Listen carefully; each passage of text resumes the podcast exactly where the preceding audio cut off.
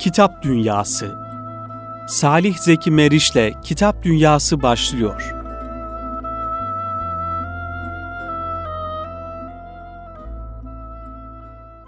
Hayırlı akşamlar Erkam Radyo dinleyenleri. Kitap Dünyası programıyla tekrar birlikteyiz. Hepinizi saygıyla, sevgiyle, muhabbetle selamlıyoruz efendim.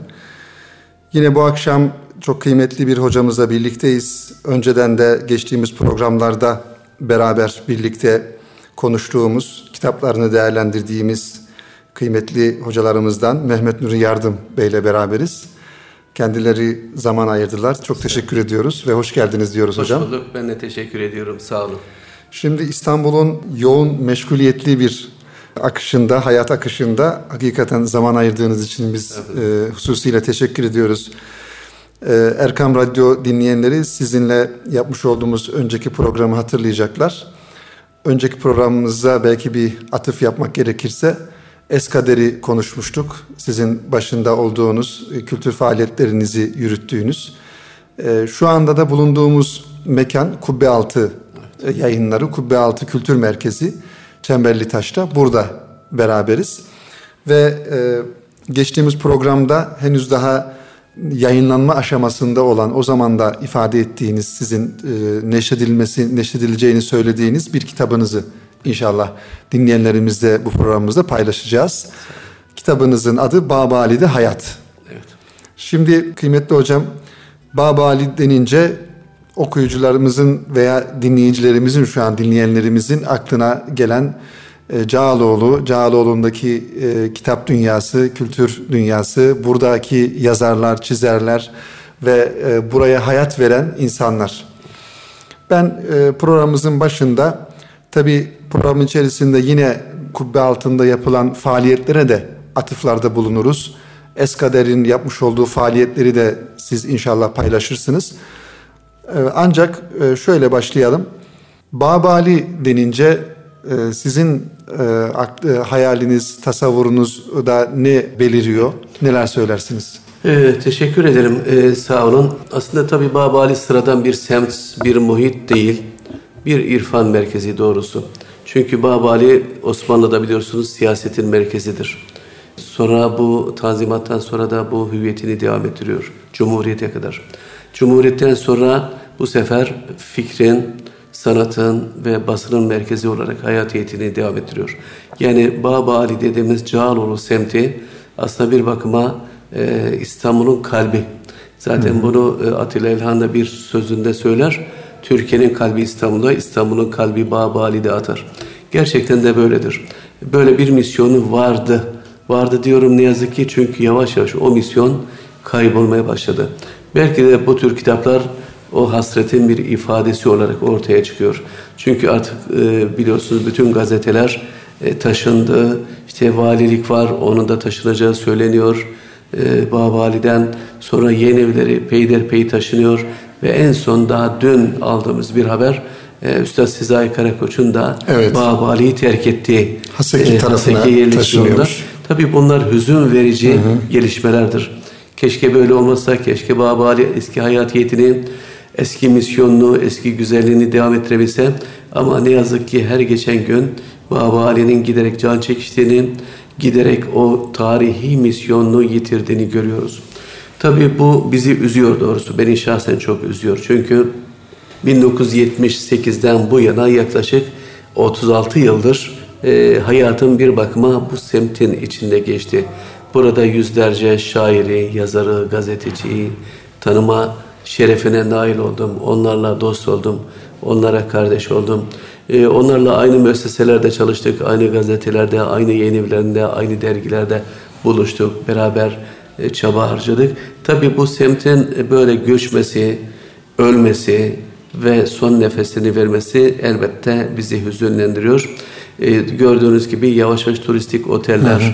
yavaş yavaş değil aslında hızlı hızlı bir şekilde turistik oteller, turistik lokantalar ve halı mağazaları gibi böyle daha çok turistlere, yabancılara yönelik mekanlar e, oluşuyor ve e, kültür kurumları, yayın kurumları, basın zaten gitmişti.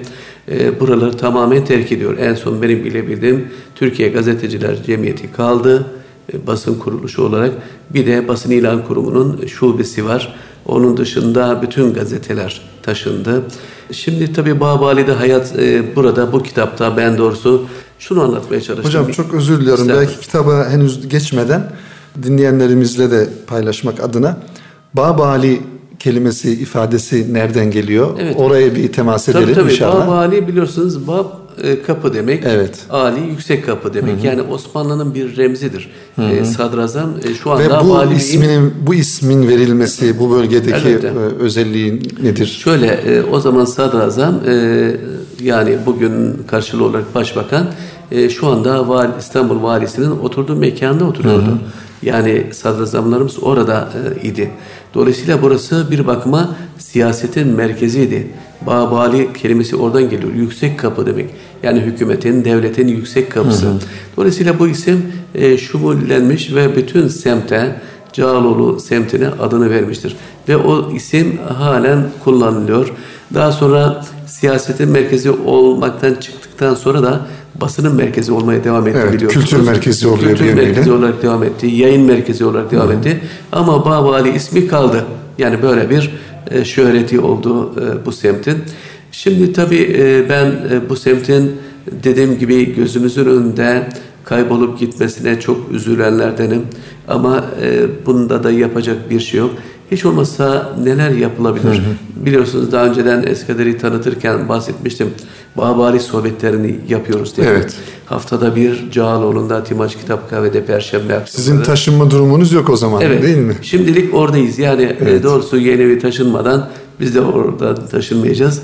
Mesela o toplantılar güzel oluyor. Babali sohbetleri devam ediyor. Şu an devam ediyor. Devam ediyor. Onu da yıldır. hatırlatalım dinleyenlerimize. Evet, Perşembe akşamları saat 18'de başlıyor. Ee, mesela değişik e, sanatkarlar, yazarlar, şairler geliyorlar ve bizi aydınlatıyorlar. Çok da verimli geçiyor. Belli bir dinleyici kitlemiz var. Dedik hiç olmazsa ismini yaşatalım. Babali semtinin adını yaşatalım. Ve sohbetlerin adını Babali sohbetleri olarak koyduk. Şu an herhalde Babali'yi yaşatan tek isim de o. Yani bildiğiniz gibi gazeteler taşındı. Evet. Şimdi tabii turistik e, muhit olmaya doğru gidiyor. Ben de son olarak e, böyle bir kitap hazırlığına giriştim. Babali'de Hayat diye. Neden? Çünkü gerçekten 35-36 senedir yaşadığımız bir hayat vardı bu semtte. E, devrin e, köşe yazarları, baş muharrirler, muhabirler, yayıncılar, yazarlar hepsi bu semtte dolaşırdı. Şimdi artık tek tük karşılaşıyorsunuz. Yani siz aslında bir yönüyle bu mevzu bahis Babali'deki hayata bir yönüyle tanıklık ettiniz. E, son dönemine. Son dönemine. Yani son dönemine işte 1980'li yıllardan 78'den 2014'lere kadar diyelim. E şimdi bu kitapta tabii Babali'de Hayat kitabında ben kıymetli bazı gazetecilerimiz var, yayıncılarımız var. Onlarla yaptığım konuşmalar var hı hı. ve bence bu konuşmalar önemlidir. Çünkü onlar e, Babali tanıyan son nesildi. Mesela Ziyad Ebu Ziya, evet. Ebu Ziya Tevfik'in torunu. Mesela Ahmet Kabaklı, Ergun Göze, Beşir Ayvazoğlu, Celalettin Milginer, e, Ferit Ragıp Tuncur, Gürbüz Azak, Hüseyin Movit, İsmet Bozda, Nezih İzmiroğulları, Osman Akkuşak, Recep Ekicigül, Ünal Sakman gibi isimler, Vecdi Bürün, Veyip Sinan ve daha birçok isim. Bunlar e, tabii ki e, yaşları şöyle söyleyeyim 60, 70, 80 arasında olan hatta bazıları 90'a ulaşmış olan büyüklerimizdi. Bir kısmı hayatta bir kısmı vefat etti. Ama istedim ki onların babali hatıralarını tespit edeyim ve gelecek nesillere bir hatıra olsun, bir armağan olsun. Çünkü semtler aslında canlı muhitlerdir. Ve e, bu üstadlarımızın, gazetecilerimizin anlattığı çok güzel hatıralar var. Çok güzel anekdotlar var. Bu semte yaşanmış, burada e, hayat bulmuş çok güzel e, münakaşalar, mücadeleler var. E, bir bakıma basın tarihimiz var, kültür tarihimiz var. Hatta siyaset tarihimiz var. Evet. E, dolayısıyla Babali'de Hayat kitabıyla e, bir bakıma böyle tarihe bir şerh düşmek istedim. Gelecekte bu semti araştıracak olanlar olacak. Tez olarak hazırlayacak olanlar olacak. Üniversitelerde e, yüksek lisans tezi, doktora tezi olarak Babali'yi araştıracak olan gençlerimize böyle faydalı bir çalışma olsun diye doğrusu bu kitabı hazırladım. E, iyi de oldu. Çünkü artık kaybolan, yiten, yitik olan bir semt E, bundan sonra galiba bu tür kitaplar da aranacak. Evet. Şimdi kitabınızın arka kapak yazısını müsaadenizle bir kısmını dinleyenlerimizle paylaşalım. Buyurun. Bu mahalle yani Baba Ali sadece basın dünyamızın hafıza ve hatıra defteri değil aynı zamanda yayın aleminin de sicil defteridir. Siyaset tarihimizin silinmeyen, süslü, parlak boy aynasıdır. Tabelaları, binaları, hatıraları ve zihinleri terk etmekte olan Baba Ali'nin efsaneleri İstanbul'un tarihi yarımadasından silindikçe nicedir az konuşuyor, çok susuyor.'' Bugün hayranlıkla okuduğumuz yazarların meşhur yokuşun başından sonuna kadar adımlar arası geçit resmini sunan günler ise çok gerilerde kaldı. Bugün Cağaloğlu dediğimiz o benzersiz muhiti yeniden Babali adıyla çağırmanın zamanının geçmediği aşikardır. Üstelik o elden ve dilden düşmemişken henüz. Bu eser nesiller boyu süren ve bugünlerde daha az hatırlanan bir Babali'ye açılıyor.'' Kitapta yer alan sohbet tadındaki söyleşiler birçok duayenin son seferlerini kaçırmamak ve gerçek Baba ile tanışmak isteyen herkesi bugünkü medyanın temellerini atan mücadeleye, çilelere, benzersiz, benzersiz tecrübelere ve artık unutulmaya yüz tutan kültür hazinesinin merkezine taşıyor. Ve isimleri zikretmişsiniz. Evet. Üstad Necip Fazıl da Babali'de miydi siz? Elbette. Bir hatırlar ee, mısınız? 78'de tabii o zaman Büyük Doğu son dönemini e, yaşıyordu ne yazık ki. Daha sonra biliyorsunuz kapandı. Ama e, şu anda Alay Köşkü'nün başında Hı-hı. idarehanesi vardı. Mesela Büyük Doğu'da çalışan Vecdi Bürün abimiz, büyüğümüz vardı. Ki birçok gazetede o da makaleler yazmış, köşe yazarlığı yapmış bir e, gazeteci yazardı. Fıkra muharririydi eskilerin tabiriyle fıkra, gerçek bir fıkra muharririydi. Mesela onunla son görüşmemizi hatırlıyorum. Sultanahmet'te tramvay durağının yanında baktım böyle hüzünlü bir halde yürüyor. E, zaten o da Baba Ali'nin kaybolmaya başladığını görüyordu, yaşıyordu. Ve zaten o nesilde e, vefat ettikten sonra son gazeteciler e, çekip gittikten sonra Baba Ali zaten eski misyonunu yitirmeye başlamıştı. Çünkü gazeteler taşın ama sadece taşınmayla değil, zihniyet de değişti. Hı hı. Mesela eskiden gazetelerin baş yazarları aynı zamanda gazetelerin sahipleriydi. Hem sahibi hem de baş yazarıydı. Ama daha sonraki sahipleri biliyorsunuz daha çok iş adamlarından çıktılar. Evet. İki satır yazı yazamayan e, sahipler oldu gazetelerin. Dolayısıyla o bir dönemde geldi geçti. Hani der ya o bir demdi geldi geçti. Gerçekten Bağbali'de bir dönem kapanıyor. Tabi hüzün verici bir dönem e, bu. E, yeni bir dönem açılıyor. Turistik bir mekan oluyor orası. Artık böyle yüksek lüks villalar, şey, villa diyorum pardon, oteller yapılıyor.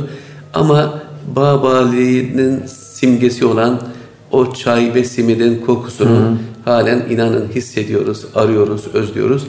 E, peki ne yapılabilir? Şimdi e, hani bir söz var, bir şey tamamen elde edilmese bile bütün terk etmemek lazım. Ben derim ki madem ki bu kaçınılmaz bir yoldur, en azından o hatıralar yaşatılmalı. Mesela o binalarda yapılan çalışmalar en azından kapılarına belirtilmeli. İşte şu Hürriyet gazetesi buradaydı. Veyahut da Tercüman gazetesi burada e, idi. Veyahut da diğer gazeteler, İştihat dergisi, Büyük Doğu dergisi vesaire. Kısacası basın yayın dünyamızın hemen hemen bütün organları Cağaloğlu'nda mekanlara sahiptir. Diriliş yayınları mesela. Şimdi evet. orası yıkılacak. Üstad Sezai Karakoç'un mekanı. Otel yapılacak. Ne kadar acı bir şey. Halbuki o mekan aslında bir diriliş müzesine dönüştü. Müze olarak korunabilir tabii. Sezai Karakoç ve Diriliş Müzesi. Niçin bu olmasın? Aslında hayal değil. Gerçekten hakikat olabilecek bir düşünce, bir te güzel temenni. Ama biz maalesef toplum olarak bu tür şeylere pek önem vermiyoruz. Yani vefat eden yazarlarımızı, gazetecilerimizi, sanatçılarımızı çok fazla önemsemiyoruz. Bırakın gazeteler, daha önemli bir şey söyleyeyim. Hattat Hamid gibi büyük bir değerimiz var. Dünya çapında büyük bir sanatkar. Ve onun Cağaloğlu'nda e, çalıştığı mekan var. 40-50 yıl hizmet e, çalıştığı mekanı yıkılıp gidiyor göz göre evet. göre. Sirkeci'den yukarıya çıkarken biliyorsunuz Ankara Caddesi'nden. Mesela oraya da sahip çıkılmadı. Halbuki orası mutlaka bir an önce Hattat Hamit Aytaç Hat ve Hat Eserleri Müzesi yapılmalıydı. Dünya çapında bir değerimiz Picasso ayarında bir değerimiz, bir sanatkarımız ve onun hatırasını da yok ediyoruz. Aslında bu tabi anlaşılır bir durum değil. Yani kültürümüze, sanatımıza, edebiyatımıza, mimarimize, medeniyetimize bizim toplum olarak daha çok sahip çıkmamız lazım. Çünkü bizi birleştiren evet. unsurlardır bunlar. Hocam burada e, aslında hani mevcut e, devlet yönetiminde söz sahibi olan insanlara da bir yönüyle görev düşüyor. Elbette. Yani or, onlara da bu yönüyle bir belki bir seslenmek gerekiyor. Tabii, Kültür yani, Bakanlığı'na görev düşüyor. Evet.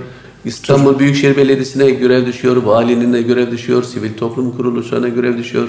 Mesela Mehmet Akif'in Mısır apartmanı o çoktan Mehmet Akif Müzesi olmalıydı. O da mı Cağaloğlu'nda mesela? Hayır o Cağaloğlu'nda değil e, Beyoğlu'nda. Beyoğlu'nda Ama evet. yapılmalıydı. O da evet. müze yapılmalıydı. İşte hatta Hamit Aytaç'ın mekanı müzeye çevrilmeli. Bazı gazetelerimizin isimleri plaket olarak hiç olmazsa hı hı. asılmalı. Yani bu konuları aslında düşünmek lazım. Bir araya gelip bunları belki müzakere etmek gerekiyor. Peki e, bulunduğumuz yer itibariyle şu an burası bir tarihi yarımada. Evet. Yani tarihi yarımada siz daha çok buralardasınız. Evet. Yani e, burada da meşguliyetiniz de burada, faaliyetleriniz de buralarda. Bu tarihi yarım adayla alakalı kültürel faaliyet olarak neler yapılıyor? Mesela devletin yapmış olduğu bu bahsetmiş olduğunuz değerleri koruma adına bir evet. şey yapılıyor mu yoksa hep böyle otele mi çevriliyor Aslında yerler? bir şey söyleyeyim mi? Gerçekten e, hakkını inkar etmeyelim. Vakıflar iyi çalışıyor. Vakıflar Genel Müdürlüğü birçok tarihi eseri restore etti, sahip çıktı. Ama Sur içindeki e, tarihi eserlere ayrı bir itina göstermek lazım. Ve dolayısıyla çünkü burası bir bakıma kültürün merkezidir. Tabii. Yani Sur içi dediğimiz bölge bu tarihi yarımada hakikaten altın değerindedir, cevher değerindedir. Dolayısıyla mesela Babali deyip geçmemek lazım. Çünkü Ahmet Mithat Efendiler, Peyami Safalar, Necip Fazıllar, Namık Kemaller, Yahya Kemaller ve birçok değerimiz, birçok münevverimiz, sanatkarımız, şairimiz e, oralarda dolaşmışlar. Bu semt e, kaybolmamalı, bu semt özünü muhafaza etmeli. Ben mesela Viyana'yı gördüm. Viyana'da daracık sokaklar var ve o tarihi binalar aynen korunuyor. Yani örnek almaya çalıştığımız Batı kendi tarihine, kendi mazisine, geçmişine çok güzel bir şekilde sahip çıkıyor. Ama biz ne hikmetse bu konuda biraz hoyrat davranıyoruz. Yani işte konumuz Babali. Ee, peki Babali küçümsenecek bir sem değil.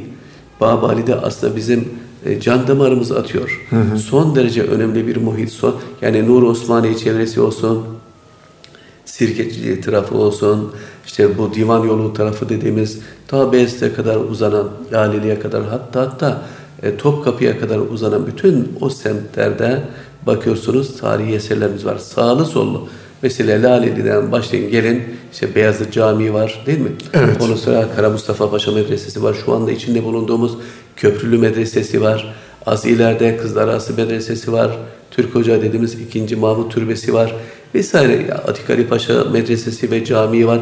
Yani boydan boya aslında bu divan yolu bu beyazın bir kültür havzasıdır. Evet. Buraların çok iyi korunması lazım. Bence buralara bir çivi bile çakılmamalı.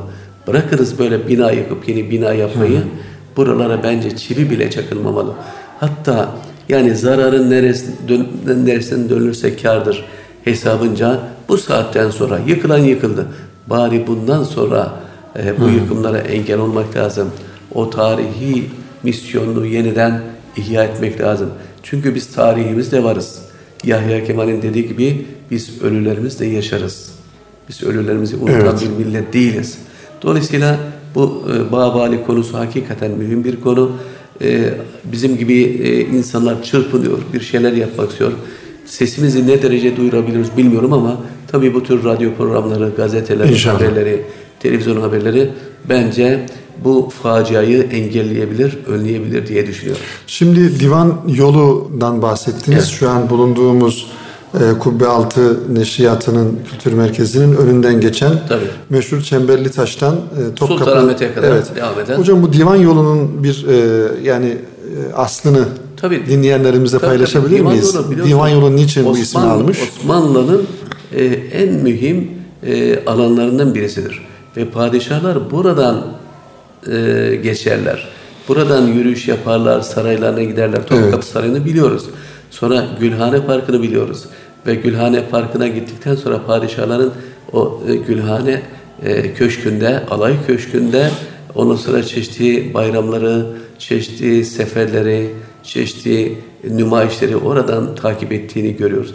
Yani şu Laleli'den başlayarak ta Sirkeci'ye kadar uzanan şu yol, divan yolu dediğimiz bu yol gerçekten adeta bizim can damarımız, tarihimizin hı hı. can damarı ve burada biz Osmanlı'yı görürüz, burada mazimizi görürüz, burada bizim fikir hayatımız var, fikir adımlarımız var, mütefekkirlerimiz var.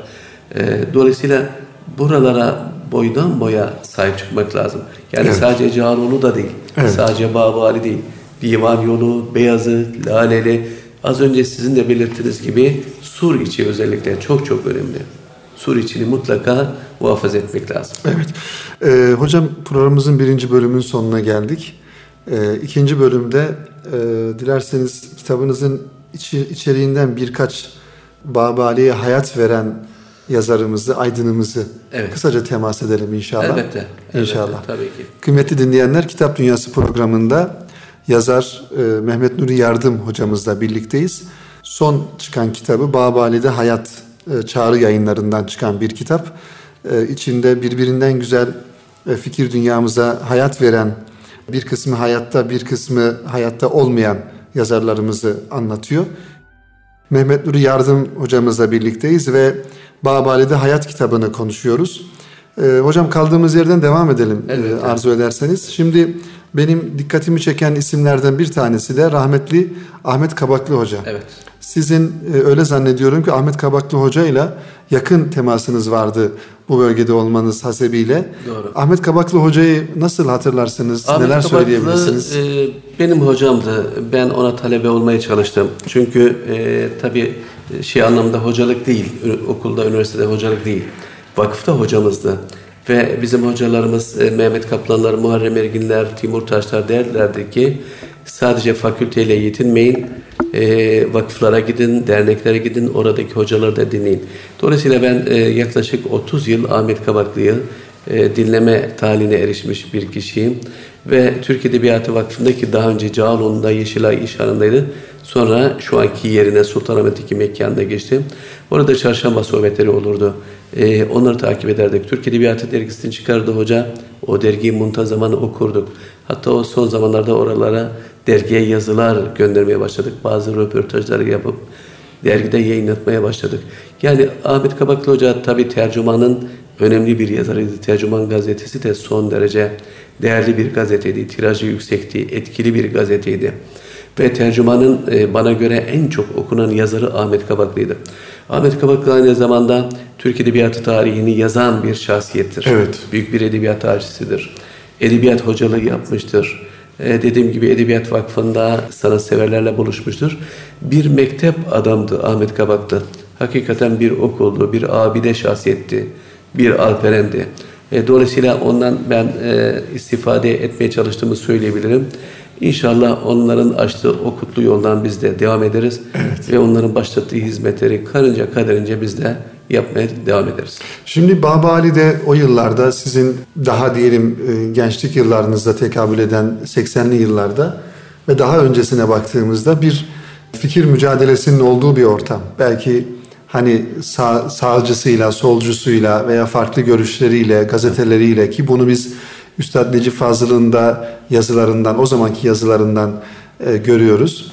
Yani fikir mücadeleleri nasıldı şimdiye nazaran baktığımızda? Şimdiki e, entelektüeller arasında da yine zaman zaman fikir çatışmaları evet. oluyor ama o zaman daha farklıydı herhalde. Ee, şöyle söyleyeyim tabii o zaman Ahmet Kabaklı, Ergun Göze, Rauf Tamer gibi yazarlar vardı. Mukbil, Özgürlük, Tarık Buğra ve bunlar mücadele ederlerdi. On, bu nesilden önce iki nesille mensup olan Osman Yüksel, Serden Geçti, Necip Fazıl gibi büyüklerimiz vardı.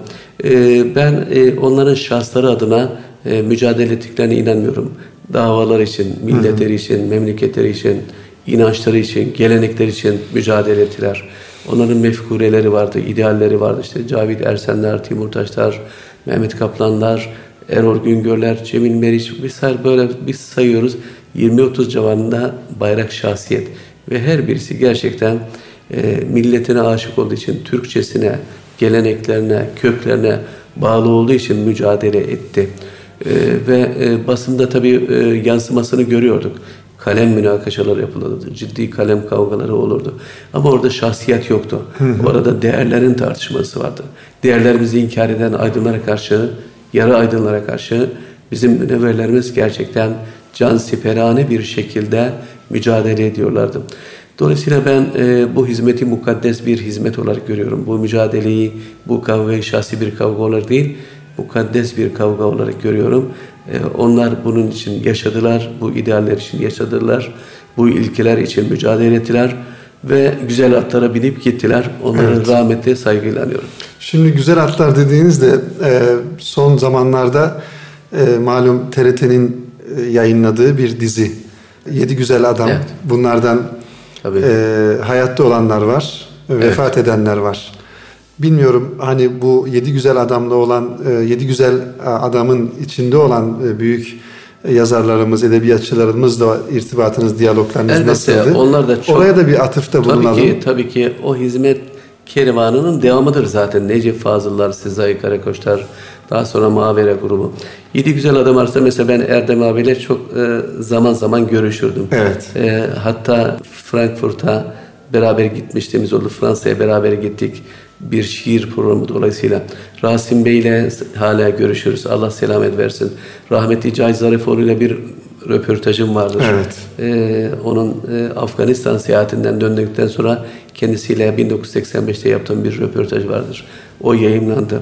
Ee, bir bakıma Rasim Özdenören, Mehmet Akif İnan, e, Alaaddin Özdenören, Cahit Zarifoğlu bunlar da gerçekten Ve o az önce tabii tabii Nuri Pakdil bunlar hepsi Sezai üstadımız o hizmet kervanının ulu e, önderleridir, e, cengaverleridir ve gençler bu üstadları tanıdıkça, eserlerini okudukça e, kendisine olan itimadı da artacak, güveni de artacak.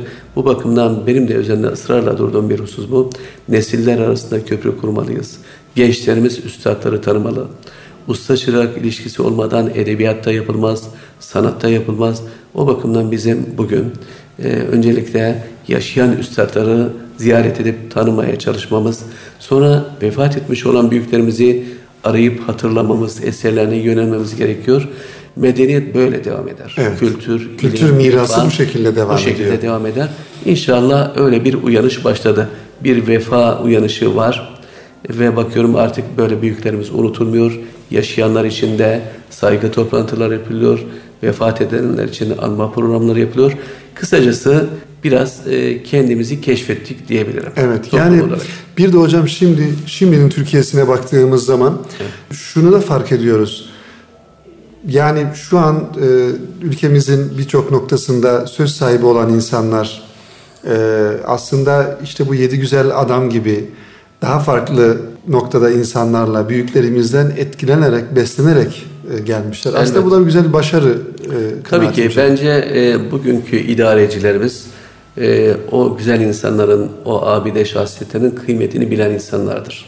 Evet. E, bunu zaten gösteriyorlar. Yani bakıyorsunuz bir sofrada Başbakanla e, efendime söyleyeyim Rasim Özdenören ve Nuri Pakdil aynı sofrada oturuyorlar, sohbet ediyorlar. Bunlar güzel şeylerdir. Olması gereken de budur. Adnan Menderes de Peyami Safa ile Necip Fazıl'la dostluk kurmuştu.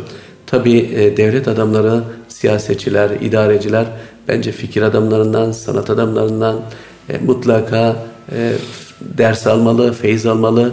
Onlarla sıkı bir irtibat halinde olmalı ve onların tavsiyelerine de uymalı.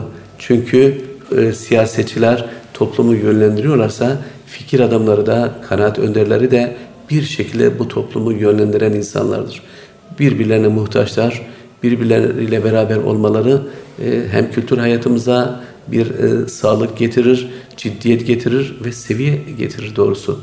E, o bakımdan bugünkü fikir adamlarımızın kıymetinin bilinmesi bana göre güzel bir gelişmedir, hayırlı bir gelişmedir. Bir de şöyle bir durum var. Şimdi yani yedi güzel adamdan söz açılmışken yani yedi güzel adamın yetişmiş olduğu ortam, yıllar mesela diyelim bundan 40 yıl önce şöyle bir şey aklıma geliyor hocam. Yani şu zaman bulunduğumuz zamanda bir 40 yıl sonraya baktığımızda acaba bizim kültür dünyamız bir yedi güzel adam daha çıkarabilir mi? Bence yedi güzel adam değil, 70 güzel adam bile çıkarır. Çıkarabilir diyorsunuz. Tabii evet. elbette yani e, o konuda e, Kemal Tahir'in sözünü severim ve söylerim. Bire biz Osmanlıyız der. Devlet evet. anada. Bizden çok adam çıkar. Hiçbir zaman umutsuzluğa düşmemek lazım. Karamsarlık yok. Dinimizde de yok, kültürümüzde de yok. Yani değil mi ki bu toplum Necip Fazılları, Sezai Karakoçları, Yedi Güzel Adamı çıkarmıştır. Daha çok büyük değer çıkarır.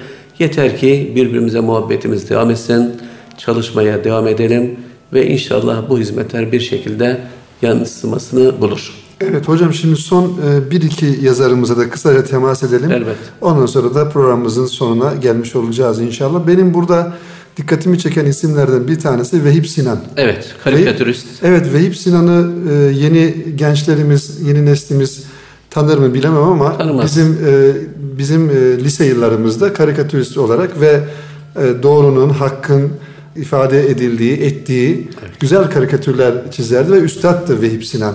Biz... Vehip Sinan bana göre Türk karikatüründe müstesna bir şahsiyettir. Mümtaz bir sanatkardır ama kıymeti bilinmemiştir. Aslında nesilleri beslemiştir. Mesela onun Topuz diye bir kahramanı vardır. Hı hı. Ben çocukluğumda Topuz'u çok severdim. Tom Mix'lerden, Texas'lardan kurtulduğumuzda karşımıza Topuz çıktı. Topuz ve Tamer. iki kahramandı ve bize geleneklerimizi anlatıyorlardı, ibadetlerimizi anlatıyorlardı, büyüklere hürmeti anlatıyorlardı. Yani Vehip Sinan çizgiyle bizde e, en büyük hizmeti yapanlardan biridir. Hatta birincisidir. Bunu rahatlıkla söyleyebilirim. O bakımdan biz mesela Eskader olarak hakkında toplantılar yaptık.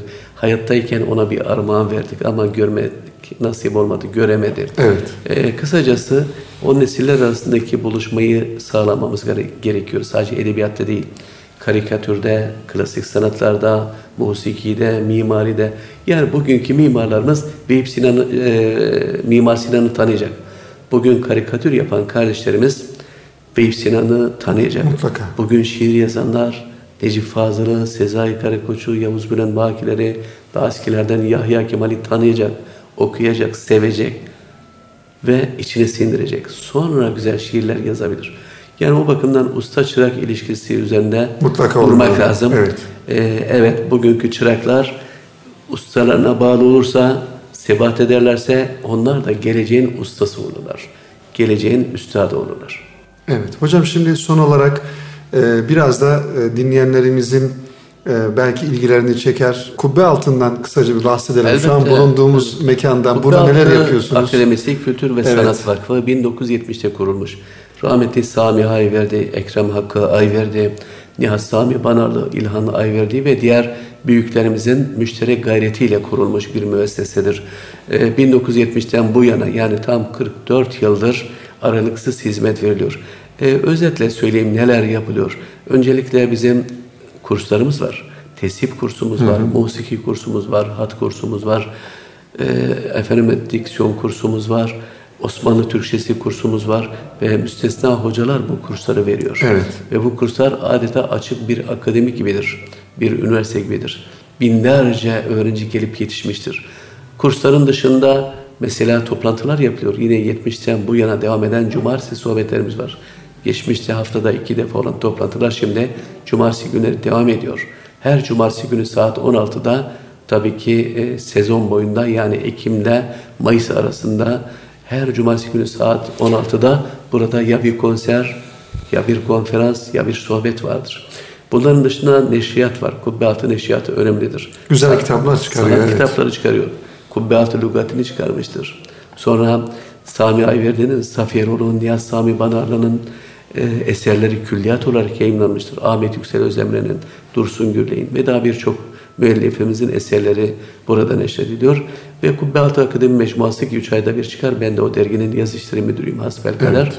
O da ilim dünyasında kabul gören, hüsnü kabul gören bir dergidir. Kısacası Kubbealtı Akademisi Kültür ve Sanat Vakfı geçmişten geleceğe uzanan bir irfan köprüsüdür. E, bu hizmet için kurulmuş. Türkçemize, sanatımıza, mimarimize, edebiyatımıza, ve diğer değerlerimize sahip çıkmak adına kurulmuş bir müessesedir.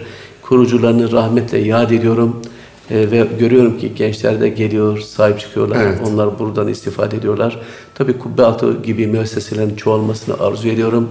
E, keşke böyle her şehirde e, kubbe altı tarzında müesseseler olsa ve o şehirde o müesseseler daha güzel e, birçok güzel hizmeti yapsa.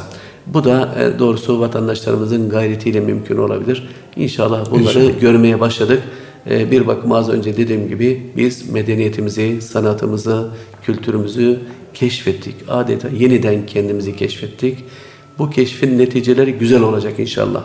Ümit var olmak lazım. Ümitsizde yer yok. Karamsarlık hiç olmamalı dünyamızda. Güzel şeyleri bekleyelim, İnşallah. Görelim. Allah İnşallah izniyle. hocam. Çok teşekkür ederiz. Ben teşekkür ederim. Kıymetli hocam. Ben de size kültürel sanata gösterdiğiniz bu değer. Eyvallah. Dolayısıyla İnşallah. müteşekkirim. İnşallah. Allah yolunuzu, bahtınızı açık eylesin. Çok teşekkür ederiz. Ee, Babali'de Hayat kitabınızı bütün dinleyenlerimize tavsiye ediyoruz. En kısa zamanda alıp bu güzel şahsiyetlerin ve buradaki yapmış oldukları onların faaliyetlerini en e, daha yakından e, okuma ve tanık olma adına inşallah. İnşallah. E, kıymetli Erkam Radyo dinleyenleri Kitap Dünyası programında e, bu hafta e, Mehmet Nuri Yardım hocamızı misafir ettik ve Çağrı yayınlarından çıkan Babali'de Hayat kitabını aynı zamanda Babali'deki kültür faaliyetlerini o zamanki e, faaliyetleri kısa da olsa konuşmaya çalıştık. Umarız faydalı olmuştur. İnşallah bir sonraki Kitap Dünyası programında buluşmak ümidiyle hepinizi Allah'a emanet ediyoruz efendim.